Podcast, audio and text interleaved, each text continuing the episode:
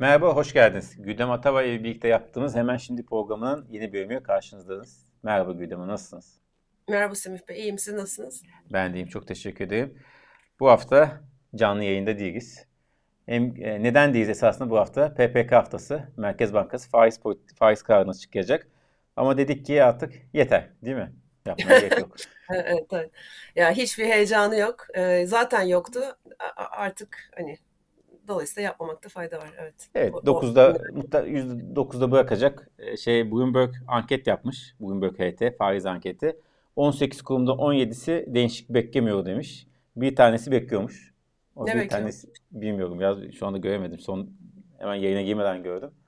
Ben de merak ettim ne beklediğini. Herhalde indirim bekliyordu. Evet.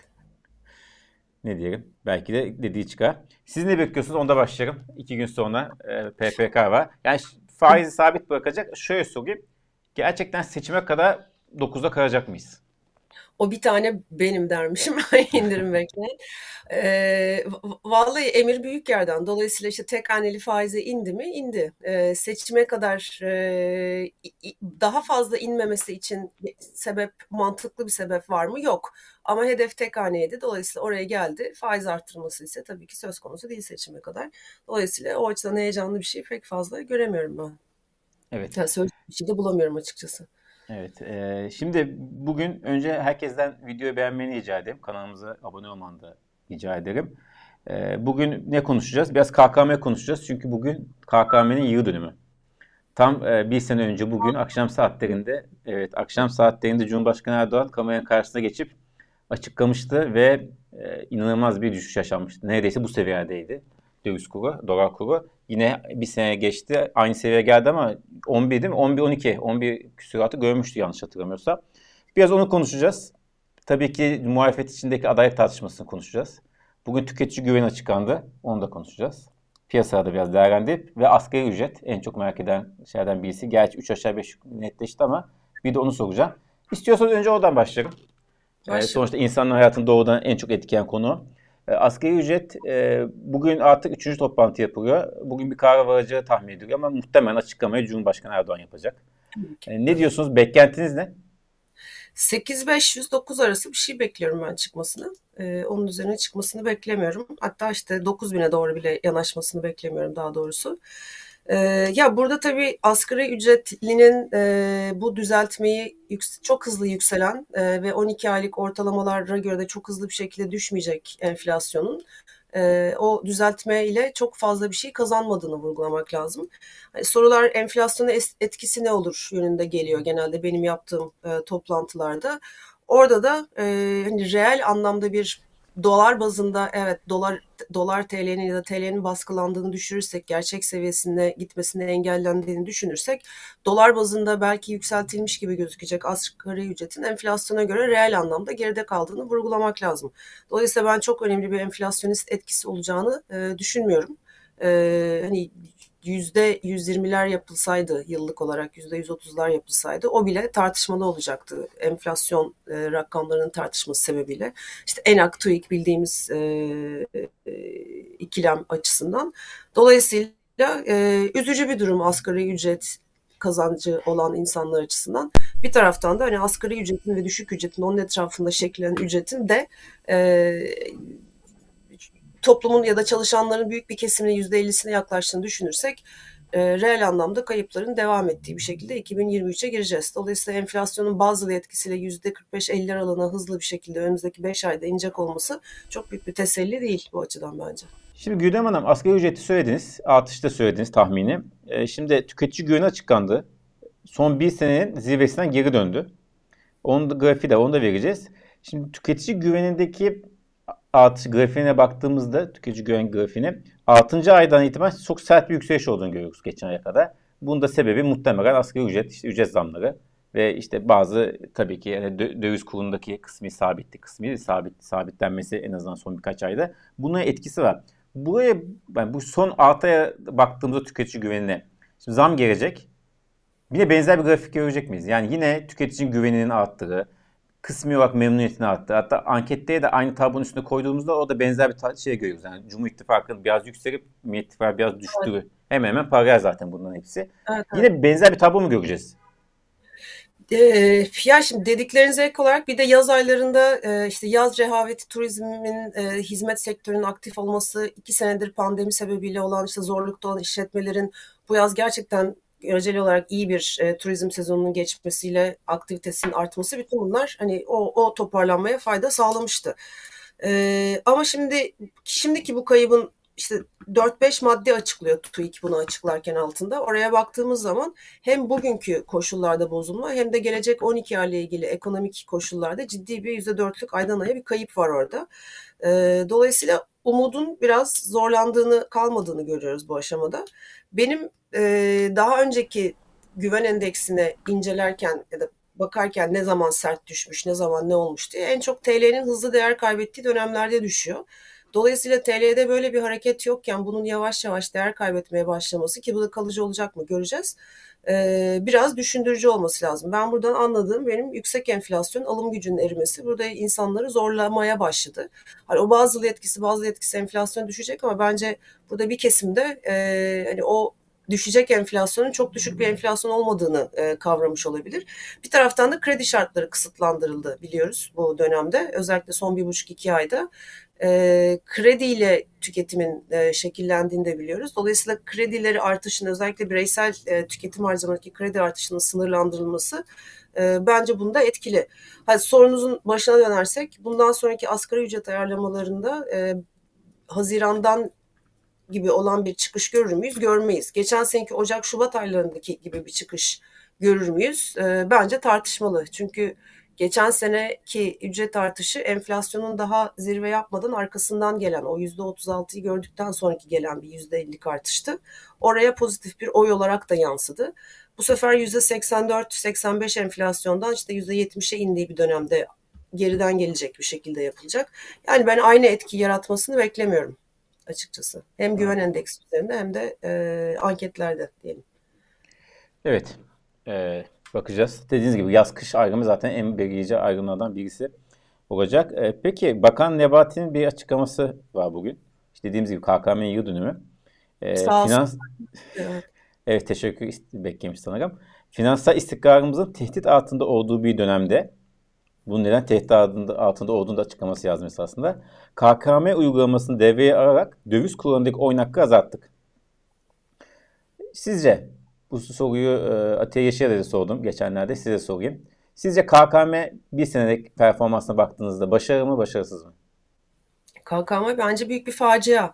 Neden büyük bir facia? Öyle bir şey yok. Öyle bir şey yok. Başarısız.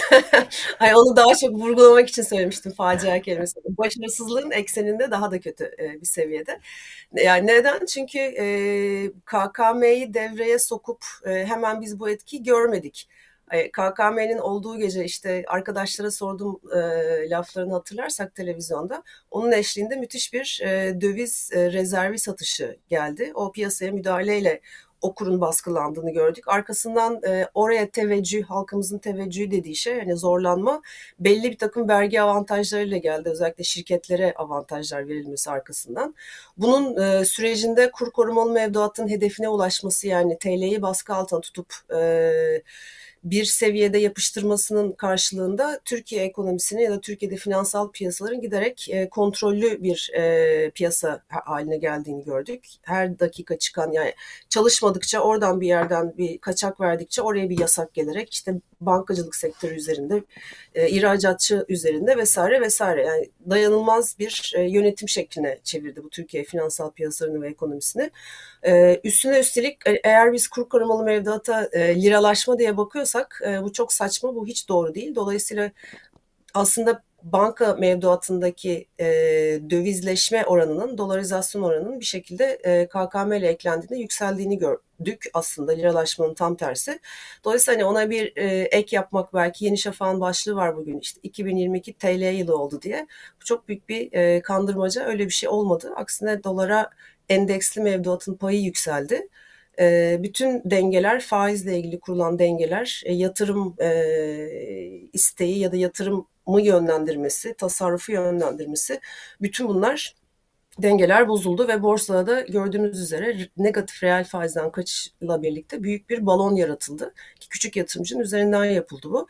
E, hazine olan maliyetinin 170 milyar TL civarında olduğunu da unutmamak lazım. Dolayısıyla e, A ve B şıkkından B şıkkı başarısız bence. Erdoğan'ın, e, Cumhurbaşkanı Erdoğan'ın yeni bir hamlesi de KGF biliyorsunuz. Dün açıkladı.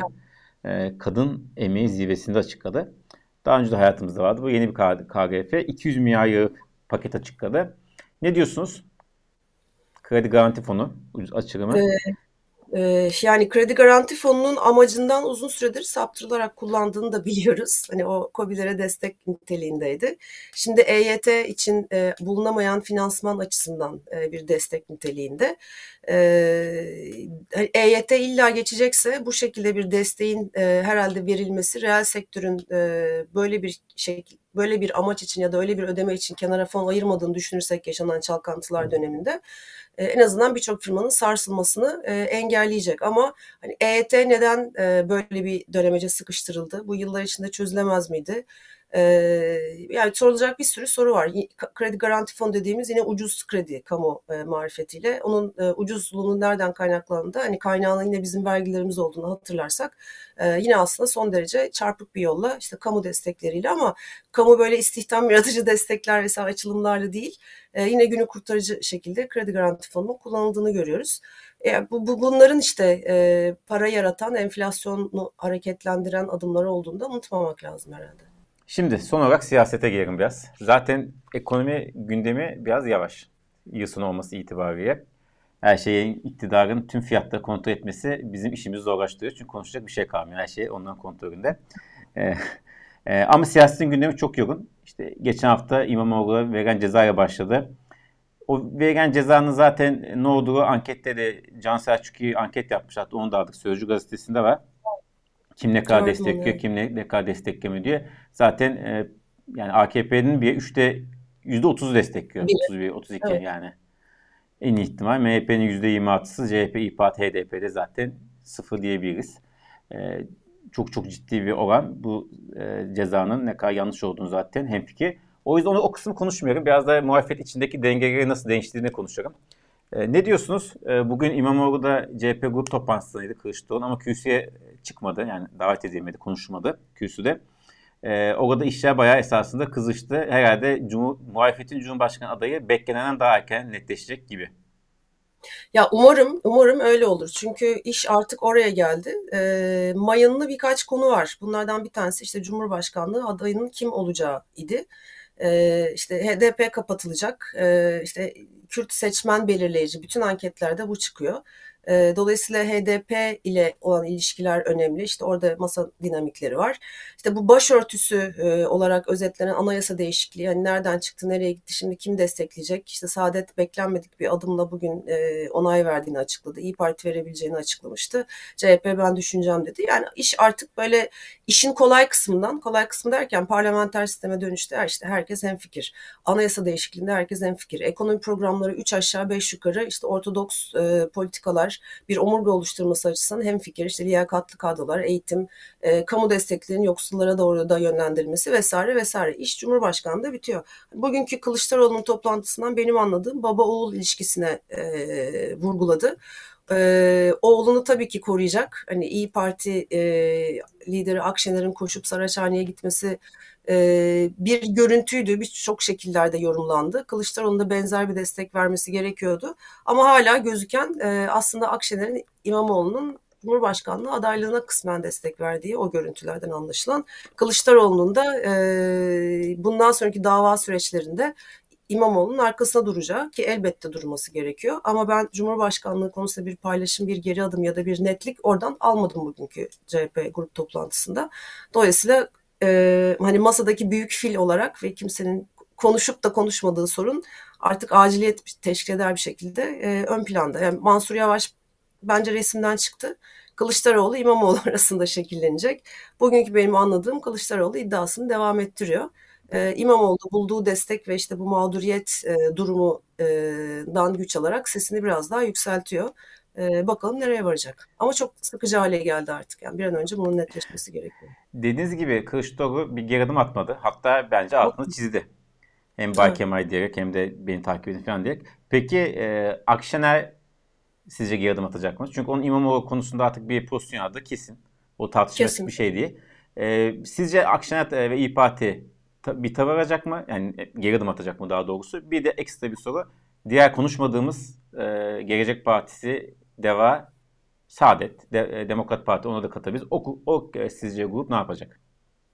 Ya bence o küçük partilerin ne dediklerinin çok bir önemi yok. Burada Akşener'le Kılıçdaroğlu arasında bir e, bilek güreşi olacak sanıyorum. E, İmamoğlu ve kendi adayları. Küçük deyince kızıyor e, Gülüm Hanım. Tamam. E, altılı masa bileşenlerinde oy oranlarına göre küçük Hı. olan e, partiler diyelim. O da bir matematiksel gerçek. Şimdi Onu da kızıyor ha. Onu da kızıyor. Daha seçim olmadı diyor. BGT diyor.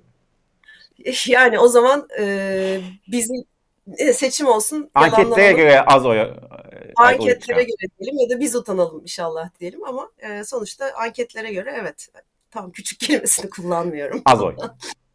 e, tamam. E, yani masanın ağır topları o zaman başka şekilde cümleyi kurayım. Masanın ağır toplu e, Millet İttifakı altılı masa değil Millet İttifakı o çekirdeği oluşturuyor. Orada evet e, Akşener'in isteği e, belli. Bugün başka bir haber e, o, ne, ne diyeyim haberlerde bir yerde gördüm e, okurken. İyi Parti içinde yapılan anketler işte İsmail Saymaz'ın bir söyleşisi var. Diyor ki hani Kılıçdaroğlu adaylığı risk çok riskli. Dolayısıyla biz hani İmamoğlu demiyoruz ama o riski almaya gerek var mı bu kadar önemli bir seçimde? Ha ne olur altın masaya da millet dağ, dağılır mı söz konusu değil öyle bir şey. Ama bu tartışma biraz daha e, zemin kaydırır, enerjiyi yanlış yere e, yönlendirir. Sonucun ne olacağını ben tabii ki bilmiyorum. Hani hiçbir birçoğumuz gibi. E, ama orada bir İmamoğlu isteğinin olacak. Kılıçdaroğlu'nda ben e, adayım e, açıklamadığı adaylığını aslında açıkladığı ve açıklamadığı adaylığında direteceğini e, görebilmek mümkün. E, yani keşke böyle olmasa. Evet. Bu arada İsmail Saymaz bugün yazdı. E, Akşener Cuma günü Kılıçdaroğlu'na yanıt verecekmiş veya da iç içine karışma konu yani bağlamında cevap verecek. Bir de İsmail Saymaz dün izledim yanlış hatırlamıyorsam bugün yazısında biraz da yani aday olma ihtimalinin az da olsa masada olduğunu söylüyor. Ee, daha önce başbakanlığı oynuyorum ben başbakanlık istiyorum demişti ama konuda bir farklı bir tutum da arabileceğini söyledi İsmail Saymaz ki bu konularda iyi bilgileri olur. İşte bunlar hep kaldıraçlar. Hani ben Akşener'in çıkıp da ben Cumhurbaşkanı adayı olup da masayı dağıtacağını, Millet İttifakı'nı dağıtacağını gerçekten düşünmüyorum. Bu ikili aday tartışmaları bana oldukça saçma geliyor. Tamamen Erdoğan'a yarayacak e, bir formül e, olarak görüyorum. Dolayısıyla Akşener'in bu tür bir e, mail etmesi ya da işte haber olarak yayması ortaya Hani ben de burada karar vericilerden bir tanesiyim. Hani benim İmamoğlu isteğimi dikkate al mesajı olarak yorumluyorum ben şu anda. Evet, ama tabii İmamoğlu'nun e, ceza almaması bence çok çok çok düşük bir ihtimal. Yani başladığı işi muhtemelen bitireceklerdi ve siyasi yasa vereceklerdi. Tıpkı Demirtaş'a ve başkana verdikleri gibi. O yüzden Demir e, ve ondan sonra işte YSK Başkanı zaten e, açıklama da son derece tartışmalı bu konudaki önceden fikir yönetmesi. Yani o, o, o da bayağı bir riskli bir yol bence artık bundan sonra İmamoğlu'nun Cumhurbaşkanı adayı yapması ama ne olursa olsun bir an önce netleşip tek bir isim etrafında toplanılması en iyisi olacaktır muhalefet açısından. E, en iyisi olacaktır. Yani e, İmamoğlu'nun yarattığı e, zaman içinde işte ben onun da birkaç yanlış manevrasıyla biraz soğuyan ama bu gerçekten tartışmasız bir haksız hukuki kararla e, yarattığı yeni bir dalga var. İşte Saraçhane'de bunu gördük. O dalgayı e, bir an önce mitinglerle genişletmek, Türkiye'nin her yerine yaymak muhalefetin yapabileceği en akıllıca şey. E, dolayısıyla hani ona bir formül bulunması gerekiyor. İmamoğlu'nun mitinglerde olması gerekiyor. Bugünkü grup toplantısındaki gibi böyle kenarda el sallayıp fotoğraf verip e, konuşmadan durması e, sanıyorum bu dalgayı büyütmek açısından akıllıca bir e, yaklaşım değil. E, Kılıçdaroğlu ne kadar buna e, kapıyı açık tutacak onu göreceğiz ama şey çok gerçekçi. Hani savcının direkt daha fazla e, ceza olması gerekiyor diye ilk daha nefes almadan kimse sinafa gitmesi YSK'dan gelen açıklamalar işte Yargıtay'ın erkene çekebileceği bütün bunlar Tabii, işte Mayıs. Oradaki senaryo yere yani oradaki şey Çok belli. Hani şey o, Nisan, Mart gibi bu kararın alındığını, siyasi yasak geldiğini göreceğiz büyük ihtimalle. O dalgada kullanılabilir. Yani İmamoğlu aday olur e, ya da olmaz. İşte bilemiyorum yani o, onu ikili götürmek bence gayet mümkün. Bu şekilde Ama, kapışmak göstermek evet. yerine. Ama dediğiniz gibi e, yani İmamoğlu'nun bugün konuşmaması kürsüde çok enteresan. Çok enteresan. Yani. O Kılıçdaroğlu ben adayım mesajıydı tabii ki. Ama yani hem çıkıp hem de ben adayım da diyebilirdi bence yani. E, orada öyle bir dil de kullanabilirdi. Yani sonuçta çok ciddi bir ne diyeyim hukuksuzluk var ortada. Siz onu gösterirsiniz ama sonuçta aday benim de diyebilirsiniz. Dediğimiz gibi zaten muhtemelen ceza gelecek. Ya ya büyük ihtimal işte yıl başına kadar bu 26-28 Aralık 26 mıydı toplantısı olacak. Ha, kesinlikle o civarda. O civarda hani oradan da bu konuda net bir şey göremeyeceğiz ama hani Ocak ayı ortasından önce e, ya da ortalarına doğru herhalde adaylık konusunda artık bir adım atılacak. Atılmazsa da pes zaten. artık zaten seçim zaman. geldi. Atılmaz atılmasın. Seçim geldi. Ocak ayında biz adayın ne olduğunu, kim olduğunu, ne olduğunu değil de kim olduğunu öğrenmiş olacağız. E, ondan sonra da herhalde başka şeyler konuşmaya başlayacağız umuyorum. Evet daha heyecanlı bir dönem olacak muhtemelen. Çok teşekkür ederiz Güldem Hanım. E, haftaya yarın son yayını yapacağız. Canlı yapacağız. Ve seyirci sloganı bırakacağız sadece. Ee, izleyeceğimizin tüm sloganı uzun bir yayında yanıtlayacağız. Şimdiden duyusunu yapmış olalım. Çok teşekkür ederiz. Haftaya Görüşmek. kadar kendinize çok iyi bakın.